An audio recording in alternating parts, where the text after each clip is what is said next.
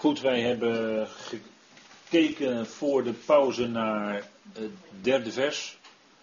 En we hebben gezien dat eh, een mens die zich laat besnijden, is schuldig om de hele wet te doen. Dus de hele Torah te houden. Dat kan hij niet. En daarom is natuurlijk ook de Heer gekomen. Om daar uh, ook verlossing in te brengen. Hij kocht de Joden vrij van onder de vloek van de wet, hè, staat er ook. Hij kocht de Joden vrij van de vloek van de wet door zelf onder die vloek te komen. En zo kocht hij hen los en vrij. Nou, vers 4 zegt dan van Galaten 5. Onwerkzaam werden jullie gemaakt. Weg van Christus. Jullie die in wet gerechtvaardigd worden. Uit de genade vallen jullie. Kijk, dat principe is dus, hè, het zijn dus twee verschillende principes. Het is dus of in, in wet leven, wat betekent dat? In wet, hè, in wet gerechtvaardigd worden. Dat betekent je leeft in een omgeving van wet. Je leeft in een wettisch klimaat. En dan ben je dus niet, dan leef je dus niet op hetzelfde moment in genade. Je kunt niet tegelijkertijd in genade leven en in wet leven. Dat is onmogelijk. Het is of het een of het ander. Vandaar dat Paulus dat ook hier zo stelt. Hè? In het vorige vers stelde hij al heel scherp, de vorige verse, Christus of besnijdenis. Dat is het principe. En hier gaat er dan genade of de wet, of de Torah. Ik wil ook wel Torah zeggen hoor. Genade of de wet. staat in het Grieks het woord nomos. En dat kun je wel degelijk het beste vertalen met wet hoor. Dat, dat wel. En als je dus in wet gaat leven, dan ben je eigenlijk weg van Christus. Paulus zegt, onwerkzaam werden jullie gemaakt, weg van Christus. Dus door zich bezig te gaan houden met de Torah, met onder de Torah te gaan leven, heel bewust, daarmee stelden ze zich eigenlijk buiten de werkingskracht van Christus. Zo kon Christus in hun leven zelf niet werken. Maar ze wilden het ook zelf doen. Ze waren dan ook bezig met hun eigen werken. Kijk, en Paulus had al gezegd in de Galaten 3, dat hebben we al behandeld natuurlijk. Maar kijk, de wet is niet uit geloof. De wet is niet uit geloof. Dus als je, zeg maar, leeft onder de Torah, heel bewust onder de Torah gaat leven, of zoveel mogelijk geboden van de Torah wil doen, voor zover dat in jouw vermogen ligt. En er zijn steeds meer christenen vandaag aan de dag die dat doen, ook in de evangelische wereld, ook in de evangelische wereld. Dan ben je eigenlijk bezig met je werken. En je leeft dan in wet. En dan leef je dus niet uit geloof. Dan ben je bezig met werken. En als je wel leeft uit geloof, dan zijn er wel werken hoor. Als je leeft uit geloof, zijn er wel werken. Maar dat zijn dan die werken die God tevoren gereed gemaakt heeft. En er staat er ook op dat wij daarin zullen wandelen. Het is niet iets waar wij dan ons heel krampachtig naar moeten uitstrekken. Dan gaan we zoveel mogelijk aan de slag en eh, noem maar op. Nee, het zijn die werken die God tevoren gereed maakt. En het is dan eigenlijk zou ik bijna willen zeggen, onontkoombaar, dan zul je ook daarin wandelen. Opdat we daarin zullen wandelen. Die goede werken. Die goede werken. Die God tevoren gereed maakt. Efeziërs 2, vers 10 hè, is dat. De goede werken. En dat is wat, wat die genade in ons uitwerkt. En wat is het werk wat Christus doet in deze tijd? Want dat is helaas bij veel gelovigen niet zo bekend. Helaas, helaas. Maar het werk wat Christus doet in deze tijd is de roeping, de opbouw, de heiliging en reiniging van de gemeente. Dat is het werk van Christus in deze tijd. En dan heb je een geweldig handvat om vast te stellen, wat zijn nou die goede werken? Nou, die hebben dus daarmee te maken. En Paulus zegt ook, alle dingen zijn mij geoorloofd, maar niet alles is nuttig. Wat is nuttig? Nuttig is dat wat tot opbouw is van de gemeente. Dat is nuttig. Hij zegt, alle dingen zijn mij geoorloofd. En dan zou je kunnen zeggen, nou mag je alles doen? Ja, je mag alles doen. Maar is het ook nuttig? Wacht even, is het ook nuttig? Is dat ook wat jij wil tot opbouw van de gemeente? Dat kan je wel afvragen natuurlijk. Hè? En, en God bepaalt dan onze wandel en Hij is het, Filippenzen 2, Hij is het die in ons bewerkt zowel het willen als het werken. Wie bewerkt dat? God. Het willen en het werken. Dus ik heb het nu over de werken. Hè? Maar Hij bewerkt dat in ons als geloven. Anders is het niet. Anders is het niet. Dan staat in Filippenzen 2. He? God is het die in ons werkt. Zowel het willen als het werken. Dat is het. En hoe, hoe werkt hij nou dan in onze wil? Hoe, hoe buigt hij nou onze wil, om het zo maar te zeggen? Nou, door zijn woord. Als zijn woord in ons komt, dan gaat onze wil gaat een andere richting krijgen. Want dan gaan we ontdekken dat wij gaan willen wat hij wil.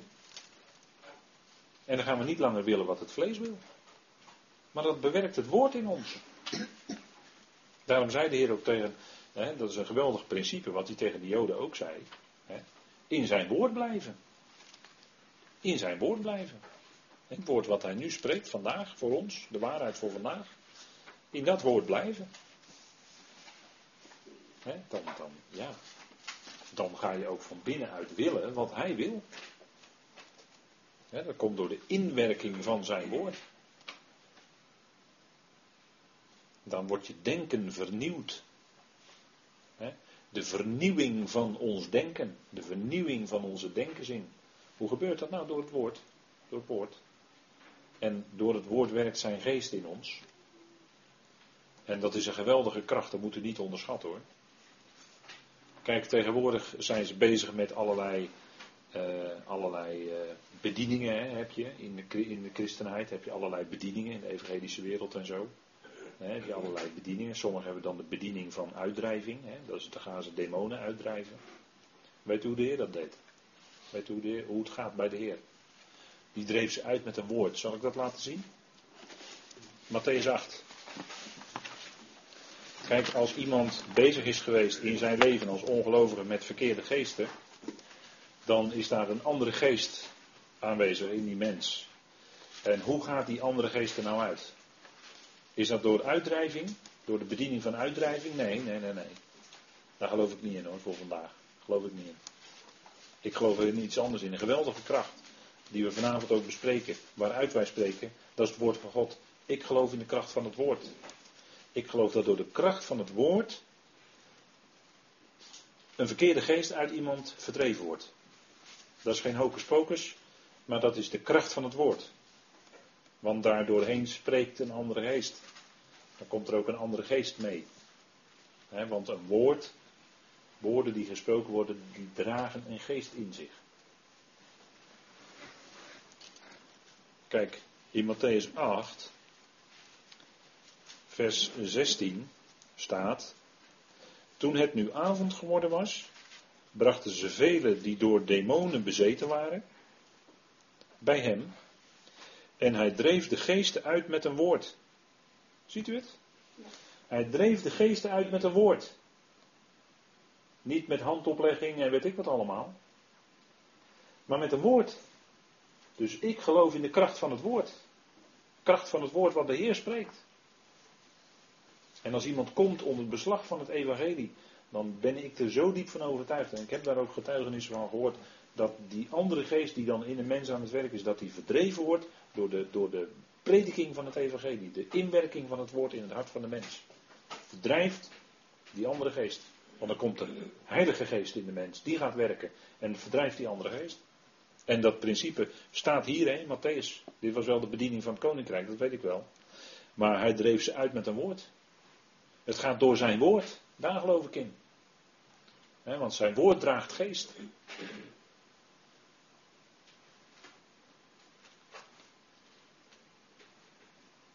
En waar de waarheid gesproken wordt, ja, daar kan de leugen geen stand houden. En daar waar gelovigen, dat kan ook hoor, daar waar gelovigen bezig zijn met leugen, daar willen zij doorgaans niet onder het woord komen. Dat is een signaal hoor.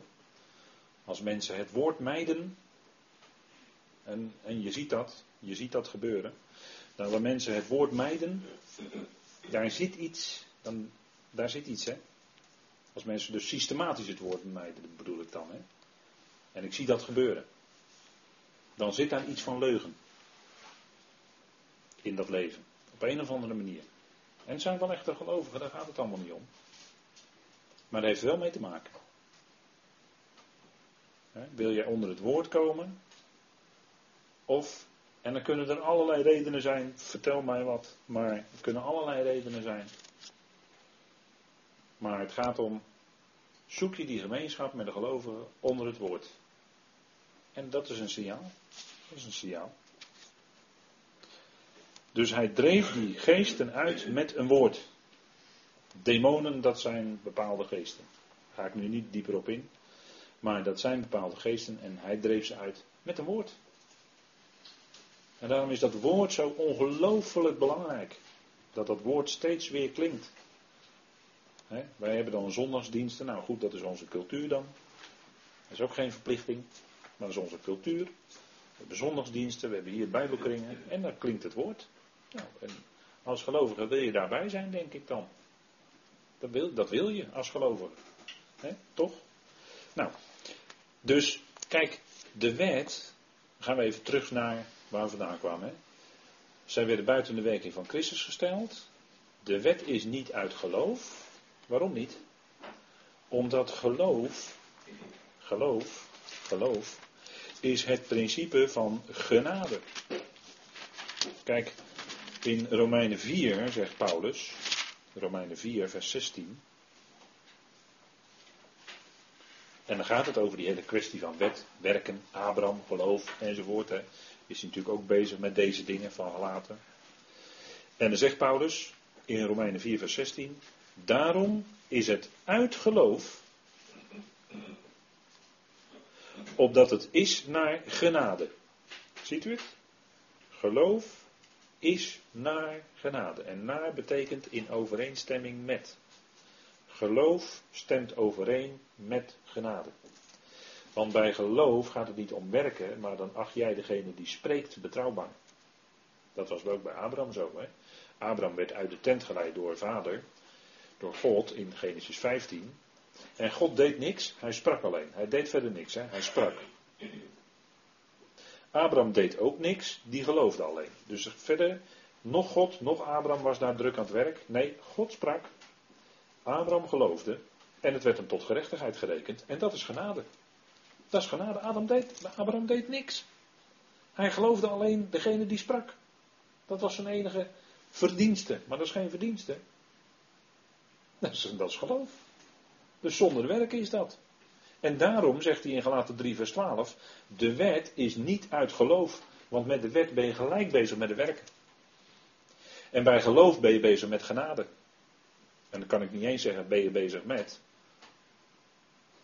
Maar geloof harmonieert met genade, Galaten, uh, Romeinen 4 vers 16. Ook zo'n tekst hè, die je als gelovige in je hart hebt.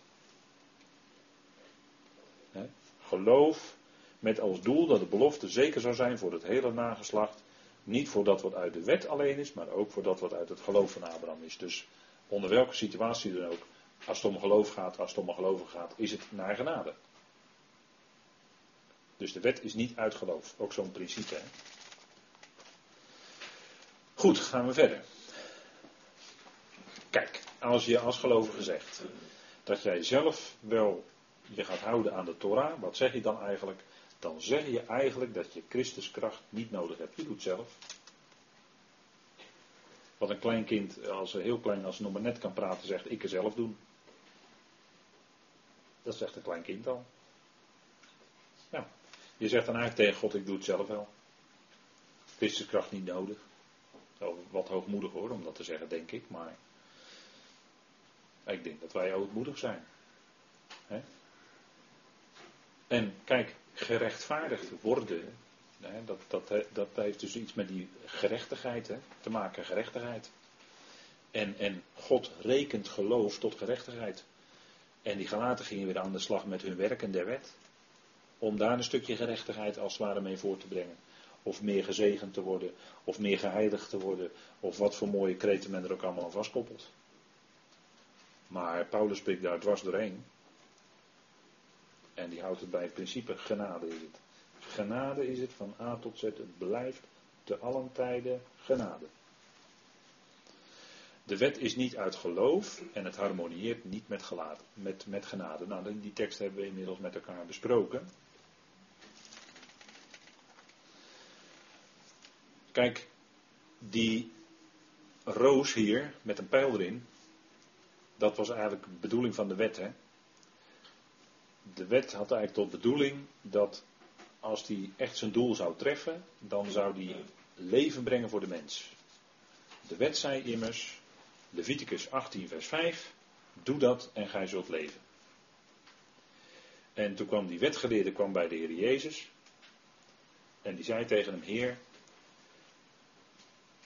ik heb alles gedaan van jongs af aan, maar ja, er ontbreekt mij nog iets. Hè. Dat was Lucas 10, hè. Die, dan gaat de Heer vertellen natuurlijk, dat bekende verhaal. Dan zegt hij, ontbreekt mij iets, hoe kan ik nou eonisch leven? Nou, dan zegt de Heer, wat zegt de wet? Nou, dat was natuurlijk voor die wetgeleerden uh, makkelijk, hè, van uh, ja, je naaste liefhebben als jezelf. Hè, dus er speelden twee vragen van, ja, wat moet ik doen en wie is mijn naaste? Die twee vragen, daar geeft de Heer in dat verhaal geeft antwoord op. En dan komt die Samaritaan, die komt langs die weg van Jeruzalem naar Jericho, Lucas 10. En dan uh, ligt die man daar, die ligt uh, half dood, hè, door de rovers is die uh, te pakken genomen en half dood geslagen, ligt langs de kant van de weg, ligt hij dood te gaan.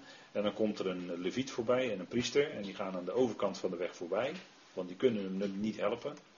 Hè, er wordt dan altijd commentaar opgeleverd dat dat toch zulke slechte mensen zijn. Maar ze naar de wet gerekend konden ze hem helemaal niet helpen. Weet u waarom niet? Weet u waarom niet? Precies, dan zouden ze verontreinigd, verontreinigd worden, want die dachten van op een afstandje van nou, veronderstel dat die man dood is en ik mag van de wet geen doden aanraken. Mocht niet, zouden ze verontreinigd, ritueel onrein zijn, zouden ze hun dienst niet kunnen verrichten. Zo lag dat hoor. En dan kunnen wij wel allemaal commentaar hebben op die, op die, uh, hè, op die leviet en die priester die voorbij kwamen, die aan de overkant voorbij gingen enzovoort. Maar naar de wet konden ze het ook helemaal niet.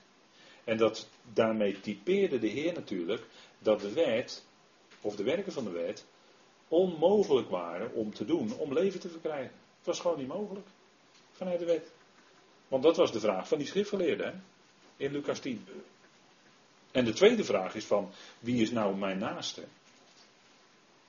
Want in de wet gaat het om de Heer uw God liefhebben, boven alles met al je kracht, met geheel je ziel, met geheel je verstand en alles wat in je is. En je naaste als jezelf. En toen vroeg die wetgeleerde, wie is dan mijn naaste? Nou, dan vertelt de Heer dat dus dat verhaal van die, wat wij altijd zeggen, die barmhartige Samaritaan. Dat was, de, dat was die ook. Maar kijk, die wetgeleerde is, is die dat vroeg aan de Heer, dat is degene die aan de kant van de weg lag hoor. Want die ontdekte dat in de wet geen leven was. Hij kon het niet bereiken. Hoewel de wet op zichzelf goed, heilig en rechtvaardig is en zelfs geestelijk, maar die mens zelf was niet in staat om dat leven te bereiken. En dat ontdekte hij. En daarom was hij diegene die aan de kant van de weg lag. Die in moordenaarshanden was gevallen. Want de wet was een bediening van de dood. Toch? Zegt Paulus toch allemaal in 2 Korinthe 3. Dat de wet een bediening van de dood is. Zijn niet mijn woorden hoor. Dat staat in 2 Korinthe 3. En wie is dan die naaste? Dat is het eind van het verhaal, hè? maar dat wordt, dat wordt nooit onderkend bijna. Zelfs niet als je erover spreekt. Want een jaren later blijken mensen dat gewoon niet te weten. Hoewel er duidelijk over gesproken is. Maar kijk, die naaste van die man die aan de kant van de weg lag, was die barmhartige Samaritaan. En het wordt altijd andersom gezegd. Het wordt altijd gezegd van, jij bent de barmhartige Samaritaan tegen ons. En die naaste is, die die, die, is diegene die aan de kant van de weg ligt en die moet jij helpen. Dat is dan jouw naaste. Maar het is niet waar hoor. In Lucas 10 staat het precies andersom. De Heer vraagt aan het eind van dat verhaal, vraagt hij aan die wetgeleerde, wie is nu de naaste van degene die in moordenaarshanden gevallen was? Dus degene die langs de kant van de weg lag. En dan zegt hij, die een barmhartigheid bewezen heeft. Die Samaritaan dus. Dat is die naaste van die man. En daarin zit een geheim. Want als het gaat om de Heere onze God liefhebben boven alles en onze naaste als onszelf. Wie is onze naaste in hoogste zin? Hè? Want naaste is overtreffende trap in de Nederlandse taal. Hè? Dat is niet nader, maar naaste is overtreffende trap. Wie is onze naaste? Onze ultieme naaste, laat ik het dan zo zeggen. Dat is de Heer Jezus Christus natuurlijk. Hij is die Samaritaan. Hij is die Samaritaan die, die voorbij kwam. En wij zijn in feite, als je ergens in wil herkennen, wij zijn dan degene die in moordenaarshanden waren gevallen. Zondaren die dood lagen te gaan. Hij raapt ons op langs de kant van de weg hoor. Wij waren verloren. Hij zocht ons op. Hij vond ons. Hij koos voor ons. Niet ik heb gekozen voor Jezus. Nee, hij koos voor ons. Zo is het. En hij is die naaste. Dus als je kijkt naar de Torah, wie is de ultieme naaste? De Heer Jezus Christus.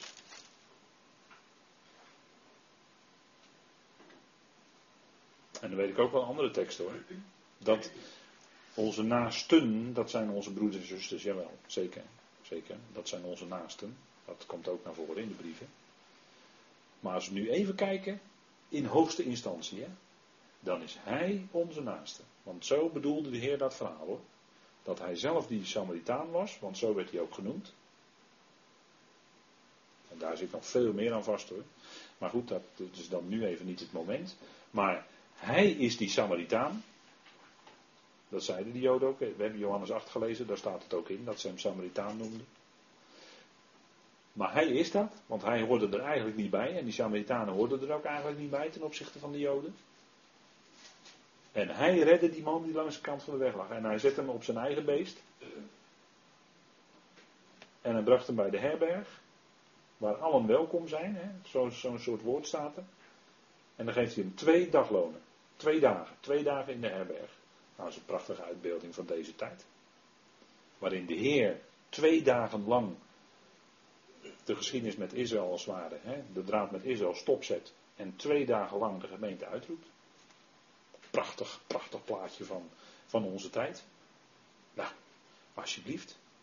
Maar kijk, dat is degene die de wet wel vervulde. De Heer Jezus. Want daarom vertel ik dat. De Heer Jezus vertel, vervulde de wet. Want alleen in Christus wordt werd dat bereikt, werd dat vervuld wat de wet eiste. Romeinen 8. Alleen hij heeft dat vervuld. Kijk, Romeinen 8 staat dat, hè? vers 3 en 4. En, en daar, u zult zien dat dit woorden zijn waar wij het nu al hè, met die gelaten brief steeds over hebben. En waar we het vanavond ook bijzonder over hebben. Hè, Romeinen 8. En dan ben je dus voorbij Romeinen 7, dan heb je het antwoord. Hè? Wat zal mij bergen uit het lichaam van deze dood? Zegt degene die crepeert onder de wet. Genade doet het, zegt Paulus. Dat is het antwoord hè, van Romeinen 7. Dat is het antwoord op Romeinen 7. Genade. Genade. En dan zegt hij in Romeinen 8 vers 1. Dus is er nu geen veroordeling voor hen die in Christus Jezus zijn niet naar het vlees wandelen zijn, maar naar de geest. Want de wet van de geest van het leven in Christus Jezus maakt mij vrij. Daar hebben we het vanavond over, hè? over vrijmaking, vrij zijn. Van de wet of de wetmatigheid van de zonde en de dood. Zijn leven in ons. Dat tilt je uit boven die andere wetmatigheid. En dan zegt hij, want wat voor de wet onmogelijk was, hè, dat was voor de wet onvermogen, want zij was krachteloos door het vlees. Zij was krachteloos door het vlees. Het vlees bleek niet in staat die wet te volbrengen. De wet was krachteloos door het vlees. En hij heeft aan zijn eigen zoon gezonden, in de gedaante gelijk aan het zondige vlees, hè? of in de gelijkheid van het vlees van de zonde. En om de zonde de zonde veroordeeld in het vlees. Dus God heeft, wat heeft God gedaan? Hij heeft zijn eigen zoon gezonden. In de gelijkheid van het vlees van de zonde. Dus die zoon die zondigde zelf niet hoor. Maar hij kwam wel in dat vlees. Hetzelfde vlees als wij. Als mens. Hij zondigde niet. En dan zegt hij, in de gelijkheid van het vlees van de zonde en om de zonde, de zonde veroordeeld in het vlees. Dat gebeurde door zijn wandel, die vlekkeloos was. En door zijn vlekkeloze wandel veroordeelde hij gelijk al die zondaren om zich heen. Want ja, die voldeden er niet aan. Die konden niet zonder zonde leven. Die moesten, die konden niet anders dan. En hij wel. En daarmee had dat al een veroordelende werking. En uiteindelijk werd de zonde veroordeeld in het vlees op Golgotha. Dat was uiteindelijk het ultieme. En daar werd hij tot zonde gemaakt. En daar werd de zonde veroordeeld in het vlees. Werd hij tot zonde gemaakt. Als je wil zien hoe God over de zonde denkt, dan moet je kijken naar Golgotha.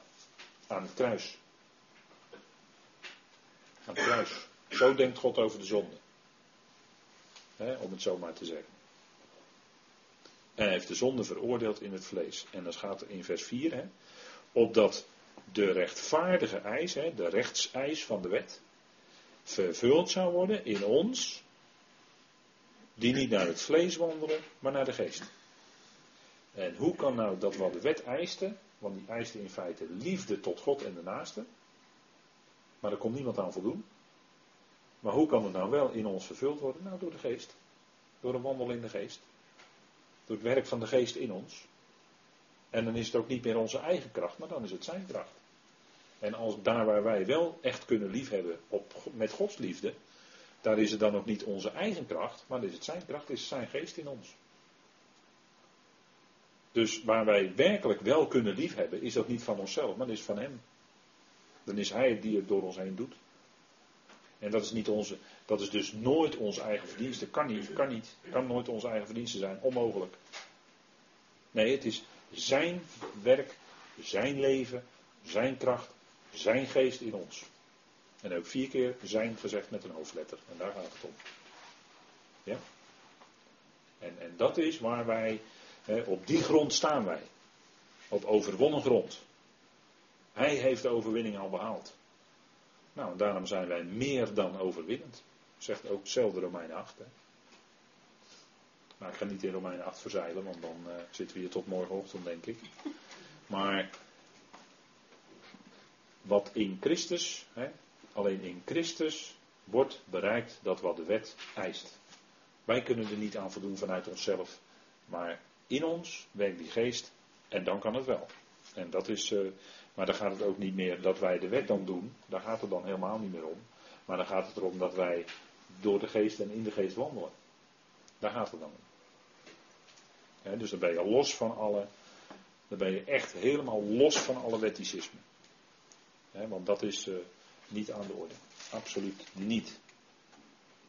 En ik denk dat we hier wel dan mee kunnen afronden met deze geweldige woorden uit Romeinen 8. En dat is uh, die gezindheid van de geest. En dat zet Paulus dan hier in Romeinen 8 verder tegenover de gezindheid van het vlees. Maar daar gaat gelaten 5 ook verder over. Dan zien we dezelfde dingen, geest tegenover vlees. Hè? Dat, uh, dat is er dan voor vanavond. Ik wil het hierbij laten voor vanavond. Ja, er is nog een vraag. Nou, even kort uit de genade. Een vraag, ja. Uit de genade vallen. Dat zijn de verzegeld, hè? Ja, wat betekent dat hier, uit de genade vallen? Dat betekent, dat betekent niet. Bedankt voor de vraag, dat is een hele goede vraag.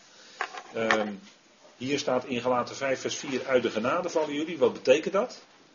Betekent dat dan dat je geen gelovige meer bent? Of dat je dan de bazuin mist? Of dat je dan niet meer verzegeld bent? Of wat dan ook? Nee, dat betekent het helemaal niet.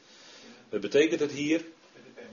Uit de genade vallen betekent hier dat je in de praktijk van het geloofsleven. Dat je niet langer leeft in de genade. Maar je valt eruit en je gaat leven in wet, in een wettische, in een wettische sfeer. Je gaat de wet proberen te doen, je gaat de wet proberen te houden enzovoort. Dus op, op het moment dat jij zelf gaat proberen als gelovige je aan de wet te houden of de wet te doen, dan val je tegelijkertijd in je praktijk van je geloofsleven, want daar gaat het hier om, val je uit de genade. dat bedoelt Paulus hier. Jullie die in wet gerechtvaardigd worden, uit de genade vallen jullie. Dus dat is het werkingsgebied van de genade, de werking van de genade. Ja, daar, is- daar plaats je jezelf dan op dat moment buiten. Maar dat staat, dat staat helemaal los van je redding bij de bazuin, bij, van de verzegeling. Je blijft verzegeld, daar heeft allemaal niets mee te maken. Het gaat om je praktijk. Het gaat hier om de praktijk van je leven. Ja? Altijd de vrijheid. Altijd de, ja, altijd de vrijheid. En je hebt zelfs, hè, ik zou bijna zeggen, je hebt zelfs, eh, je hebt alle vrijheid. En je hebt zelfs alle vrijheid om als gelovige, bij wijze van spreken, hè, eh, ja, wil je nou zo graag onder de wet gaan leven? Nou, ja, ik snap het niet. Maar als je dat gaat doen, dan zul je wel ondervinden wat dat betekent. Ja, dus het is. eh, maar bedankt voor de vraag, want dat is nog even een goede. Dan ronden we het even mooi af vanavond op die manier. Ehm, uit de genade vallen is dus weer proberen de wet te gaan doen. Wetticisme, op welke manier dan ook. Hè. Kan de Torah van Mozes zijn. Het kunnen allerlei wettische voorschriften in gemeentes zijn. Het kunnen allerlei wetten zijn die eh, een of andere voorganger of dominee oplegt of wat dan ook. Dat is allemaal hetzelfde principe. Dan val je uit de genade. Dan val je uit de genade. Ja?